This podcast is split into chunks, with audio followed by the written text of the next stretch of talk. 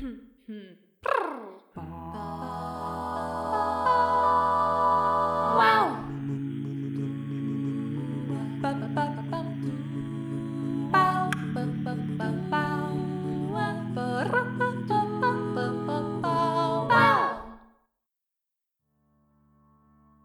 Gergő, hogy vagy, mi újság? Szia Tündi, köszönöm szépen, jól vagyok, készülődök kicsit hazalátogatni Magyarországra éppen, majd szerdán megyek, ha jól emlékszem. Ezek nekem mindig olyanok, hogy majd a telefonom szól, hogy éppen 24 óra múlva indulok. Nem, nem, most megnéztem, csütörtökön indulok. Ja, jól van. Uh, ja, uh, úgyhogy ennyi, ennyi a Jó, az teljesen jó, hogy nem kell mindent folyton a fejben tartani, hanem rakjuk be szépen figyelmeztetőre, és akkor...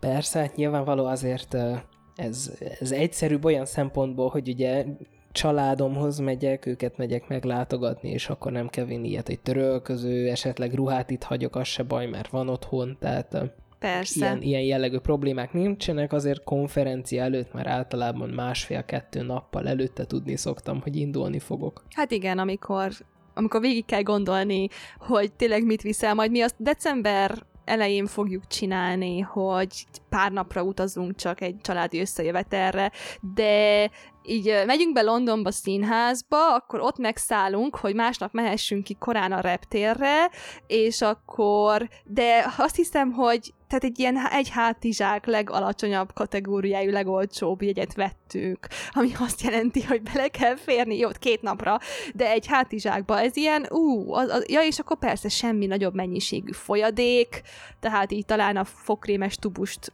nem tudom, majd, majd most nem vagyok hajlandó ezen gondolkodni, csak így eszembe jutott, hogy az lesz majd még ilyen, ilyen 3D mm, puzzle Tetris hátizsák. Verzió. Így van, ez, ez mindenképpen logisztikai szokott lenni.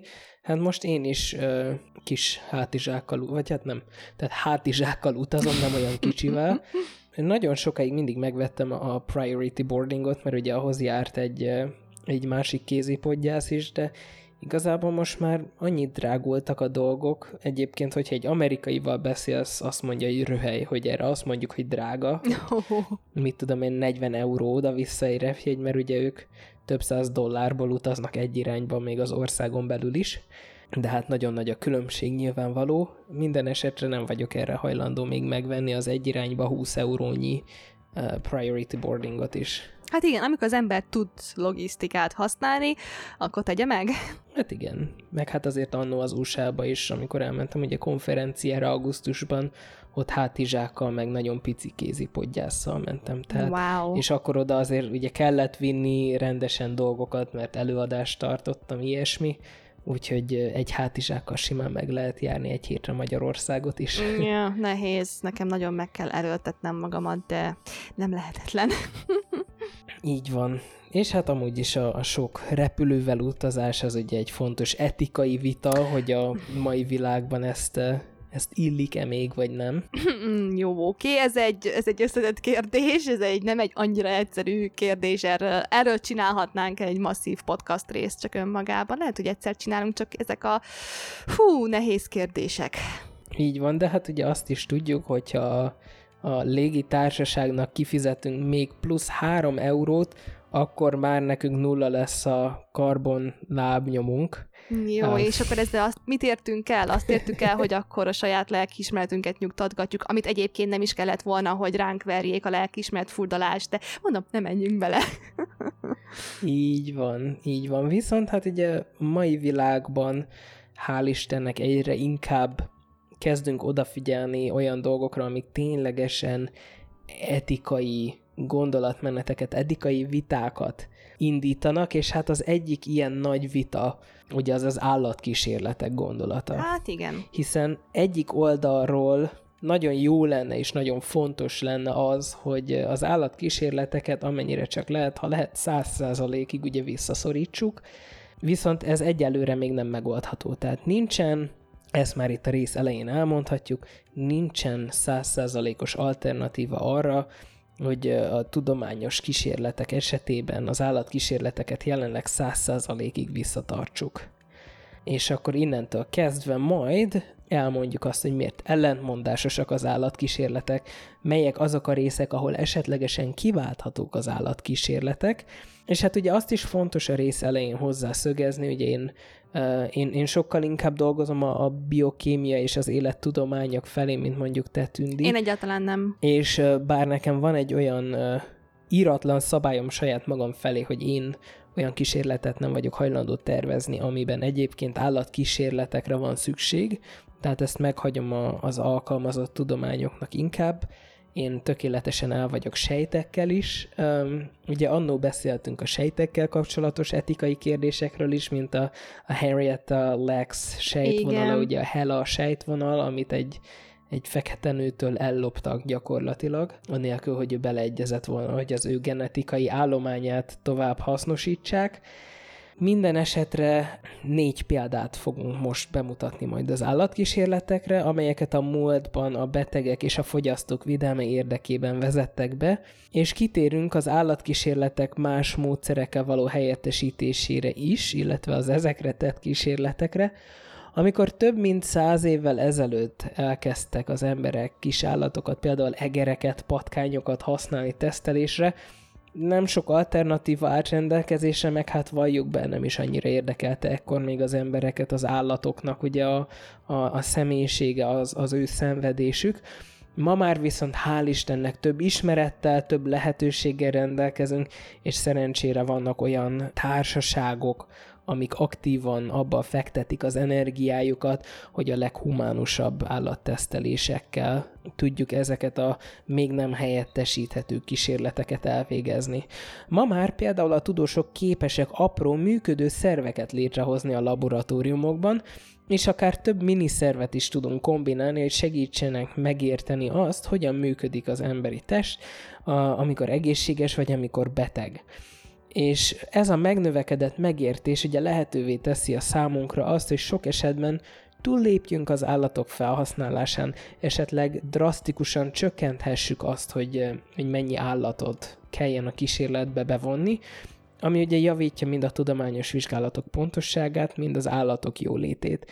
Tehát nem mindegy az, hogy ezek nélkül a kis mesterséges szervek nélkül mondjuk 150 egére lenne szükség, a szervek miatt viszont elég, hogyha 20 egeret használunk. Pontosan. És hát egyébként nekem ez mindig tetszik, ez a fajta hozzáállás, hogy a tudomány halad, és igen, felléptek problémák abból, hogy például hol volt száz évvel ezelőtt a tudomány, hogy hogyan használt állatokat kísérletezésre, de milyen jó, hogy a tudomány, ugyanez a tudomány teszi számunkra lehetővé, hogy haladjunk tovább és keressünk megoldásokat rá, hogy akkor mivel tudjuk ezt javítani, mivel tudjuk kiváltani a, a problémásabb részeket, és találjunk föl új módszereket, hogy, hogy megoldjuk a problémákat.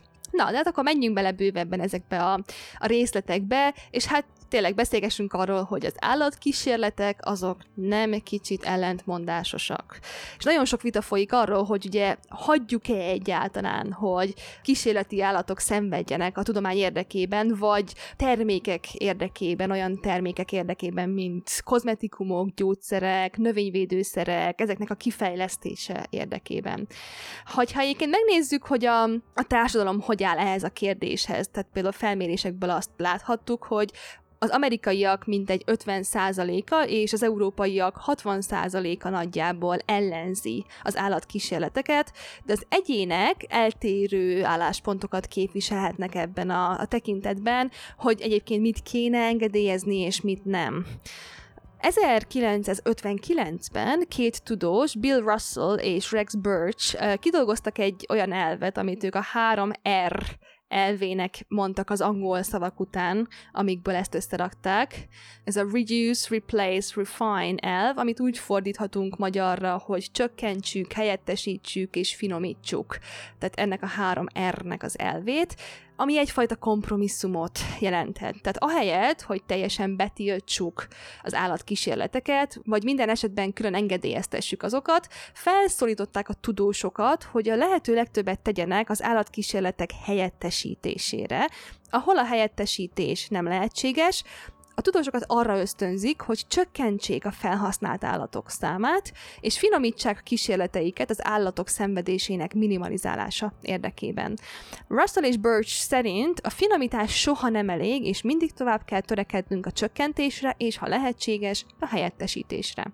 Amikor Russell és Birch kitalálta ezt a három R elvet, nem sok alternatívája volt az állatkísérleteknek, de van egy ilyen érdekes ilyen, ha azt nézzük, hogy ugye hogyan fejlődik és sokasodik a tudomány, akkor így nagyjából lehet látni egy, egy ilyesmi tendenciát, hogy az élettudományok ismerete ilyen 7 évente nagyjából megduplázódik, így ahhoz képest, hogy hol tartott az 50-es évek végén Russell és Birch, ahhoz képest már majd több mint ezerszer többet tudunk most az élettudományokról, mint ők, és ezáltal a tudósok sokkal többet tudnak a sejtek laboratóriumi tenyésztéséről, és például az emberi őssejt technológiák és a biotechnológia segítségével ma már képesek vagyunk egyes szervek szerkezetét és működését laboratóriumban újra teremteni, sőt, több laboratóriumban létrehozott szervet kombinálni, hogy így idézőjelesen emberi rendszert hozzunk létre laboratóriumban.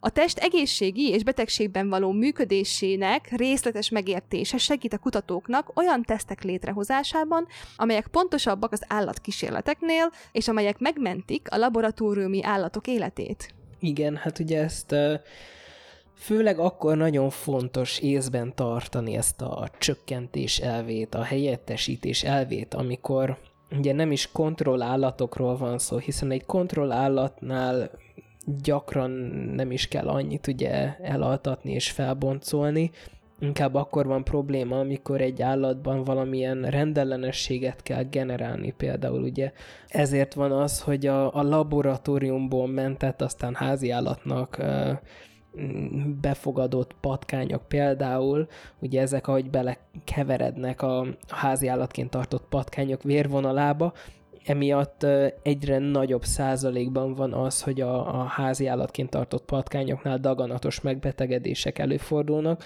hiszen ugye a laboratóriumi patkányokat sokszor predisponálják, tehát úgy tenyésztik ki, hogy könnyebben fejlesztenek ki daganatos megbetegedést, hiszen ugye ezekben a kísérletekben gyakran használatosak, viszont ez az állatnak ugye szenvedést okoz, és hogyha egy laboratóriumban kialakított mesterséges kis szervecske, ugye ez nem úgy néz ki, mint egy tényleges szerv, tehát ez néhány százezer sejt gyakorlatilag, amiket kialakítanak, viszont hogyha ezzel tök jól lehet modellezni egy daganatos megbetegedést, és mondjuk felére le lehet csökkenteni a, a daganatos állatok kísérletét, akkor azzal már rengeteg szenvedéstől ugye megfosztják a kutatók a, ezeket az állatokat, és sokkal humánusabb kísérletet lehet végezni. Hozzá kell egyébként még itt az elején rögtön tenni azt, hogy minden állatkísérlet át kell, hogy menjen egy etikai bizottság előtt. Tehát azelőtt nem lehet elkezdeni, és az etikai bizottság az konkrétan elolvassa a kísérlettervet, és ők eldöntik, hogy a meghatározott számú állat, az egy. Esetleg nincs túl sok állat bevonva a kísérlettervbe, és nem lehet -e esetleg csökkenteni. A másik pedig az, hogy a, esetlegesen nincs arra esély, hogy túl kevés állat van bevonva. Hiszen, hogyha teszem azt, én azt mondom, hogy szeretnék egy kiterjedt kutatást csinálni, 15 dolgot akarok megvizsgálni, és 16 egér van a kísérletben, akkor erre azt mondja, hogy ebből egy a kontroll, akkor erre azt fogja mondani az etikai bizottság, hogy nem engedélyezik ezt a kísérletet, hiszen az, hogy egy paramétert egyetlen egy egéren vizsgálok, ebből nem lesz majd statisztikailag releváns eredményem, és emiatt a 16 egér az feleslegesen megy át ezen a traumán. Igen. Tehát nagyon-nagyon pontosan és körüllátóan kell megtervezni ezeket a, a kísérleteket ahhoz, hogy egy etikai bizottság ezt elfogadja. És hát akkor kezdjük az első orvosi biztonsági problémával, ami a közelmúltból, illetve a múltból ismeretes, amelyet állatkísérletek segítségével oldottak meg. Az első ilyen az a pirogének. A pirogének kifejezés a görög szóból származik, ami azt jelenti, hogy valami, ami tüzet okoz. Ma a pirogén szót olyasmire használjuk, ami lázat okoz az emberekben, Az 1900-es évek elején a tudósok elkezdték a betegségeket gyógyító gyógyszereket szintetizálni, tehát laboratóriumi keretek közt előállítani, ahelyett, hogy a természetes környezetből lennének kivonva, közöttük olyanokat is, amelyeket be kellett injekciózni a szervezetbe. Az orvosok a gyógyszerinjekciókat követően gyakran észleltek lázat a betegeknél, sőt néha életveszélyes reakciókat is, és az ismeretlen lázat okozó anyagokat pirogéneknek nevezték el. 1912-ben feltalálták a nyúlpirogén tesztet, az embereknél alkalmazottnál tízszer nagyobb dózisú gyógyszert fecskendeztek a nyulakba, és hogyha a nyulaknál nem alakult ki láz, akkor a gyógyszert biztonságosnak ítélték emberi használatra. Ma már tudjuk, hogy ezek a pirogének a gyógyszergyártás során bekövetkező bakteriális szennyeződésből származnak egyébként, és még a mikrobák sterilizálással történő elpusztítása sem szünteti meg őket teljesen. Amikor aztán a beteg immunrendszere felismeri ezeket a pirogéneket, akkor a láz fellép. De ezt ezekből a nyulas kísérletekből fedezték fel, innen ismerjük. Igen, abszolút. Aztán a következő ilyen példa az a szemirritáció kérdése volt, mert ugye a szem az különösen érzékeny tud lenni vegyi anyagokra, az Egyesült Államokban az 1930-as évek elején egy szempilla festésre használt kozmetikum, az úgynevezett Lash Lure nevű kozmetikum, több mint 3000 szemirritációs esethez öt esetben vaksághoz, és egy esetben halálhoz vezetett. Tehát ez kicsikét meghaladta annak a mértékét, hogy egy kozmetikum esetében mit tolerálunk. Nagyon meghaladta. Ezt követően fejlesztették ki a nyúl szemtesztet, hogy megakadályozzák, hogy ez még egyszer megtörténjen a vegyszer egy cseppjét közvetlenül a nyúl szemébe juttatják, és az állatot több napig figyelik, hogy hogyan hat rá. Így van. És hát ugye ez egy kozmetikai teszt, és ma már ismerjük azt, hogy van több olyan cég is, ami állatkísérlet nélkül készít kozmetikumokat. Ezt ugye kétféleképpen tudják megcsinálni. Az egyik az, hogy teljesen már körültekintően nagyon jól megvizsgált anyagokat pakolnak csak a kozmetikumba. Igen. Nagyon jól dokumentált analitikai vizsgálatokkal, hogy ténylegesen szintisztán az-e, és uh, ugye miután kikeverik a kozmetikumot, azután is analizálják kémiai, uh, analitikai kémiai módszerekkel, és megfigyelik, hogy nem alakult-e ki esetleg újabb vegyület ezeknek az összekeverése során, ami később irritációhoz vezethet nálunk. És mivel a tudomány ilyen fejlettségi szinten van, ezzel ezek a cégek százszázalékig ki tudják váltani az állatkísérleteket, ami már egy tök jó lépés a cél felé, de hát sajnos még sehol nem vagyunk attól, hogy, hogy az állatkísérleteket teljesen ki lehessen váltani. Hát aztán ugye vannak a váratlan mérgezések, az 1936-os Egyesült Államok beli esetről van itt például szó, amikor több mint száz gyermek hunyt el egy köhögés elleni sziruptól. A szirupban lévő antibiotikumot évekig gond nélkül használták, de az antibiotikum feloldásához használt glikol nevű anyag az mérgező uh. volt. Ugye a glikolt azt azért használták, mert hogy a nevében is benne van édes.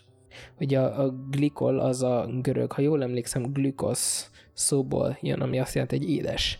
Igen. Ez indította el az úgynevezett ismétlődő dózisú vizsgálatokat, amelyeket általában patkányokon és kutyákon végeznek, és amelyek során a gyógyszert 28 vagy akár 90 napon keresztül adják szájon át, belégzéssel vagy a bőre felkenve, ugye a gyógyszer felhasználásától függően. Ezt követően az állatot eladhatják, és szerveiket megvizsgálják az esetleges hatások szempontjából. Hát igen, ez azért nagyon fontos tényező volt.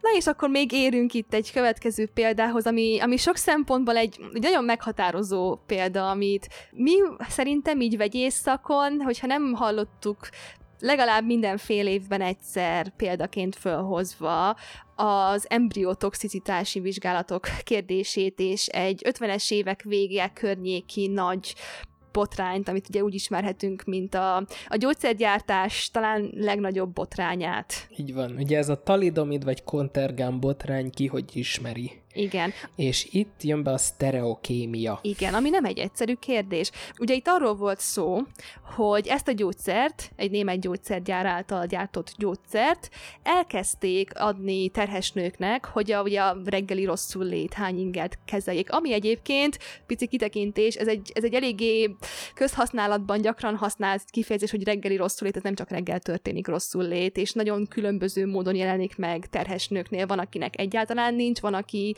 um, egész vagy hosszabb időn keresztül durván szenved tőle, szóval széles spektrumú um, problémáról, tünetről van szó, és ennek a kezelésére nagyon népszerűvé vált a talidomid hatóanyagú gyógyszer, mert segített a hányinger ellen de sajnos ennek nem várt mellékhatásai lettek, és úgy ismerjük, hogy körülbelül 2000 magzat halt bele a gyógyszerbe, több mint 10 ezer gyermek született végtagrendellenességekkel, tehát például csökevényes végtagokkal, mivel ennek a kifejlődésével interferált, hatott kölcsön negatívan ez a gyógyszer. Igen, és hát ugye ezt vegyük hozzá, hogy az 50-es évek végéről van szó, tehát ez a 2000 elhunyt magzat, és tízezer végtagrendellenességes gyermek, ez az, amit dokumentáltak. Igen, és nagyon érdekes volt ennél a gyógyszernél, hogy nem úgy mentek neki, tehát itt nem olyasmiről volt szó, hogy teljesen vakon kidobták a, a gyógyszert a piacra mindenfajta vizsgálat nélkül, mert igenis végeztek rajta biztonsági kérdéseket, teszteléseket,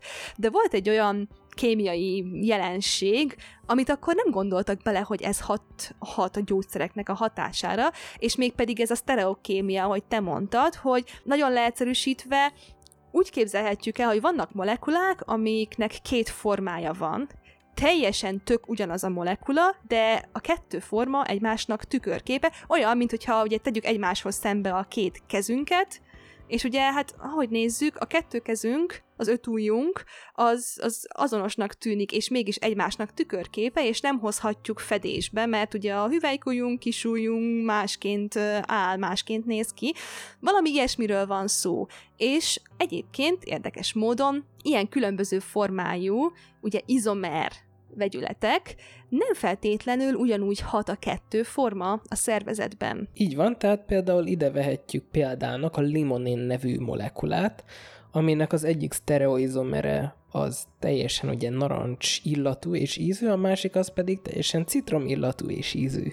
Tök ugyanaz a molekula, egymásnak a tükörképe a kettő, és, és mégis teljesen más íz és illatvilággal dolgozik, és ugye ez a pozitív része a dolognak, tehát ez nem a negatív, és a Kontergen esetében nem az történt, hogy ők így fogták és össze-vissza pakolták, ha jól emlékszem, ők ezt úgynevezett sztereoszelektíven dolgozták ki a molekulát, tehát csak az egyik ilyet készítették el, viszont állás közben ez a a vegyület sajnos úgynevezett racemizáción ment keresztül. Igen. Tehát az egyik forma átalakult a másikba. Igen.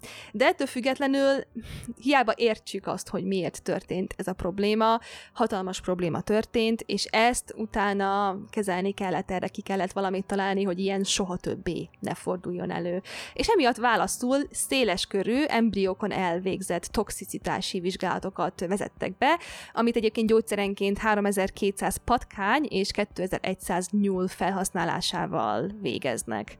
Mindezekben az esetekben a tudományos megoldás az volt, hogy ugye állatokkal próbáltak megbizonyosodni arról, hogy a gyógyszerek és más vegyi anyagok biztonságosak legyenek az embereknél történő felhasználás során, de az állatok felhasználása arra, hogy tükrözzék azt, ami az emberekben történhet, hát ezt érthetjük, hogy ez korán sem tökéletes. Az egerek és a patkányok gyakran 60%-nál nem jobban jelzik előre egymás gyógyszerekre adott reakcióit, és néha az egerek bizonyos törzsei teljesen eltérően reagálnak ezekben a tesztekben. Néha az állatok úgy reagálnak a gyógyszerekre vagy más vegyi anyagokra, mint az emberek, és néha nem. Így van. De hát akkor próbáljunk tovább lépni abba az irányba, hogy hogyan válthatjuk ki ezeket az állatkísérleteket, hiszen emberi sejtvonalak például léteznek. És hogyha emberi sejtekkel tudunk dolgozni etikai problémák nélkül, mert ugye azok nem éreznek, nincsen, nincsen gondolkodásuk, Igen. akkor érdemes ezt tenni. És hát például a pirogénekre a tudósok először az 1950-es években fedezték fel, hogy a gyógyszerek bizonyos bakteriális szennyeződéseit, Ugye korábban már tudták a pirogéneket, de aztán rájöttek az 50-es években, hogy ezek bakteriális szennyeződések, amelyek lázas reakciókat okoznak, és a 60-as években felfedezték, hogy ugyanezek a bakteriális anyagok a patkós rákok vérét is megalvasztják. Ez ösztönözte egy új, a patkosrákok vérének mintavételén alapuló teszt, a patkosrák pirogén teszt kifejlesztését, amely a 80-as évektől kezdve 90%-ban felváltotta a nyúl kísérleteket. Tehát ugye ez nem igazán tökéletes, mert a patkosrákok is állatok, Igen. és a vérüket azt valahogy ki kell nyerni. Ezután 1995-ben egy másik laboratóriumi tesztet fejlesztettek ki, amely az emberi immunrendszer, különösen a monocitáknak nevezett fehérvérsejtek, amelyek a lázat okozó kémiai jeleket bocsátják ki, egyre bővülő ismeretein alapult ezeknek. Ezeket a teszteket ma már monocita aktiválási teszteknek vagy aktivációs teszteknek nevezik, és a monociták reakciója alapján mérik, hogy az anyagok pirogénekkel szennyezettek-e. A szakértők alapos felülvizsgálatát követően a monocita aktivációs tesztet egyébként 2006-ban validálták, tehát ez az, amikor hivatalosan is belép abba a, a fázisba, hogy ez használható ezeknek a meghatározására, és az azt követő években világszerte számos ügynökség elfogadta. Az állatkísérletek tényleges kiváltása azonban még mindig folyamatban van. 2017-re Európában a nyúlon végzett pirogéntesztek 80%-át kiváltották, 2030-ra tervezik pedig azt, hogy Európában minden nyúlon végzett tesztnek véget kell vetni. A világ más részei ebben elmaradnak, tehát körülbelül 30 évbe telt, amíg a patkósrák teszt a nyúlkísérletek 90%-át felváltotta, és további 30 évbe, amíg a monocita aktivációs tesztek a maradékot felváltották. Ez azért ugye bevallhatjuk, hogy eléggé lassú, de tanulnunk kell ezekből, és amint a tudósok megértik, mi történik az emberi szervezetben, könnyebb lesz nem állati tesztrendszereket használni. Igen, pontosan. És azért van bőven haladás más területeken is. Tehát például a szemirritációs vizsgálatokban óriási előlépések történtek. Számos új teszt egyszerű sejtkultúrákat használ bőrsejtekből, mások az élelmiszerként leölt csirkék vagy tehenek szeméből használnak. A biotechnológiával előállított emberi szemszerkezeteket is kifejlesztettek és validáltak. Sajnos egyetlen teszt sem tudja még teljesen helyettesíteni a nyúlvizsgálatot. Egyesek csak az erősen mérgező anyagokat képesek azonosítani, mások csak a hatástalan anyagokat. Egyes tesztek csak bizonyos típusú vegyi anyagokkal működnek, az új tesztek különböző kombinációi azonban a legtöbb felhasználási területen helyettesíthetik az állatokat, szerencsére. Az embriotoxicitási vizsgálat a legállat igényesebb állatkísérlet, ezt mondhatjuk, tekintettel a szükséges állatok számára. Tehát egyes vizsgálatokhoz akár tényleg több mint mondjuk 5000 patkányra, valamint nyulakra és az embrióikra van szükség. Az embriotoxicitási vizsgálatokban az állatok helyettesítésére irányuló előrelépés lassú, elsősorban azért, mert az embrió fejlődése rendkívül összetett és fajonként eltérő. Tehát amikor például öt vegyi anyagot tesztelnek egy fajon, ebből általánosságban csak három adja ugyanazt az eredményt is egy másik fajon. Az utóbbi években jelentős előrelépés történt az őssejtek kifejlesztésével amúgy, amelyek lehetővé teszik a tudósok számára, hogy többet tudjanak meg a korai emberi embriók fejlődéséről. A kifejlesztett őssejtes tesztek közelebb viszik a tudósokat ahhoz, hogy az állatkísérleteket leválthassák. Így van. De hát a váratlan toxicitások, a váratlan mérgezések még mindig kulcsfontosságú problémát jelentenek. Hogyan készülhetünk fel a váratlan esetekre? Ugye az emberi szervezetben több száz szövet van, sőt, hát ez elég erőteljesen alá van becsülve, és mindegyik lehet a célpont. Mivel azonban egyre nyilvánvalóbbá válik, hogy az állatok gyakran másképp reagálnak a toxikus anyagokra, mint az emberek, nincs más választásunk, mint új, emberre vonatkozó tesztek kifejlesztése. A modern sejtenyésztés óriási előrelépést hozott, és a biomérnöki tudományok lehetővé teszik számunkra, hogy a laboratóriumokban újra teremtsük a testi szervek szerkezetét és működését. Ezeket úgy hívják angolul, hogy organoid on a chip, tehát organoid chipen, Ezeket lehet kombinálni és apró folyadékkal teli csatornákkal összekapcsolni, amelyek úgy viselkednek, mint az erek. Ezeket ugye hívják human on chip, tehát ember chipen modellnek is, de egy kicsit ez azért hatásvadász. Kiborg. Um, így van. Um, viszont ezek azért izgalmasak, mert lehetővé teszik a tudósok számára azt, hogy emberhez hasonló rendszerekben tanulmányozzák a reakciókat.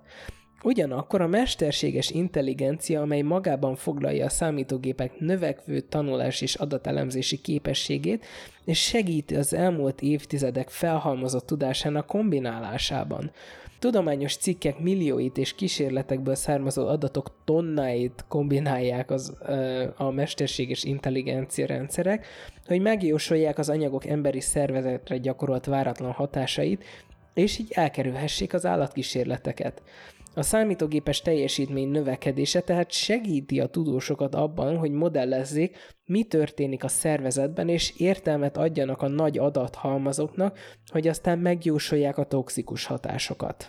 Igen, egyébként ez tényleg egy iszonyú jelentős probléma, kérdés a tudományban, hogy sokszor nem is arról van szó, hogy felfedeztünk-e már kulcs eredményeket, hanem hogy a különböző részterületek például tudnak-e egymás eredményeiről. Ilyenekre már egy utalgattunk, meg ilyenekről beszéltünk már néhányszor, hogy hányszor történt olyan, hogy ugye más terminológiát, más kifejezéseket használhat például egy vegyész, egy biokémikus, vagy egy fizikus, aki kémiai folyamatokat modellezik például, és hogy milyen könnyű elbeszélnünk egymás mellett, és hogy ugye volt olyan, hogy felfedeztük, hogy ja, mondjuk 30 éve valaki megcsinálta azt, ami a mi kérdésünk, csak másként hívta. Tehát, hogy hatalmas mennyiségű tudományos eredmény áll a rendelkezésünkre, csak valahogy ezt, ezt is rendszerezni kell, és ha ebben például tudnak a mesterséges intelligencia algoritmusok segíteni, az hatalmas erőlelépés tud lenni. Tehát nagy kihívás áll még előttünk, az biztos, ezek a példák, amikről beszéltünk ebben a részben, ugye mutatják, hogy hát egyrészt hogy fejlődik a tudomány, de hogy még hova kell fejlődnie. Tehát ugye például itt összességében szerintem mondhatjuk nem, hogy a gyógyszerek biztonsága volt egy, egy fő kérdés ebben a diszkuszióban, de hasonló történetek az kutatás minden más területéről is elmondhatóak. Az új laboratóriumi és számítógépes módszerek ugye önmagukban is használhatóak, de milyen jó és sokra vezethet valószínűleg, hogyha ha kombináljuk őket. Ezek az új megközelítések gyakran ugyanolyan jók vagy jobbak, mint a hagyományos állatkísérletek. A kihívás most az, hogy kitaláljuk, hogyan változtassuk meg ezeket a beidegződött szokásokat, hogy a gyógyszerek és az új fogyasztási cikkek biztonságosságának értékelésénél ne az állatkísérletekre hagyatkozzunk. A közelmúltban elért eredményeknek köszönhetően a tesztelési eljárások jobban megfelelnek az emberi szervezetnek, és ami a legfontosabb, emberségesebbé váltak. Hát igen, reméljük, hogy kicsit közelebb hozhatunk titeket ahhoz, hogy megértsétek, hogy, hogy bár abszolút nem pozitív dolog, de mégis miért van szükség a mai nap is még mindig az állatkísérletekre. Viszont, hogyha ezzel kapcsolatban nektek van tapasztalatotok, ötletetek, kommentetek, esetleg gondolat, hogy mivel lehetne még inkább kiváltani ezeket, akkor mindenképpen lépjetek velünk kapcsolatba, írjatok e-mailt nekünk a jogosóra.tudományból.gmail.com e-mail címen, írjatok nekünk Facebookon, írjatok kommentet Facebookon, Youtube-on, bárhol, és hát várunk titeket szeretettel a jövő héten is. Pontosan, köszönjük a figyelmeteket. Sziasztok! Köszi, sziasztok! Wow.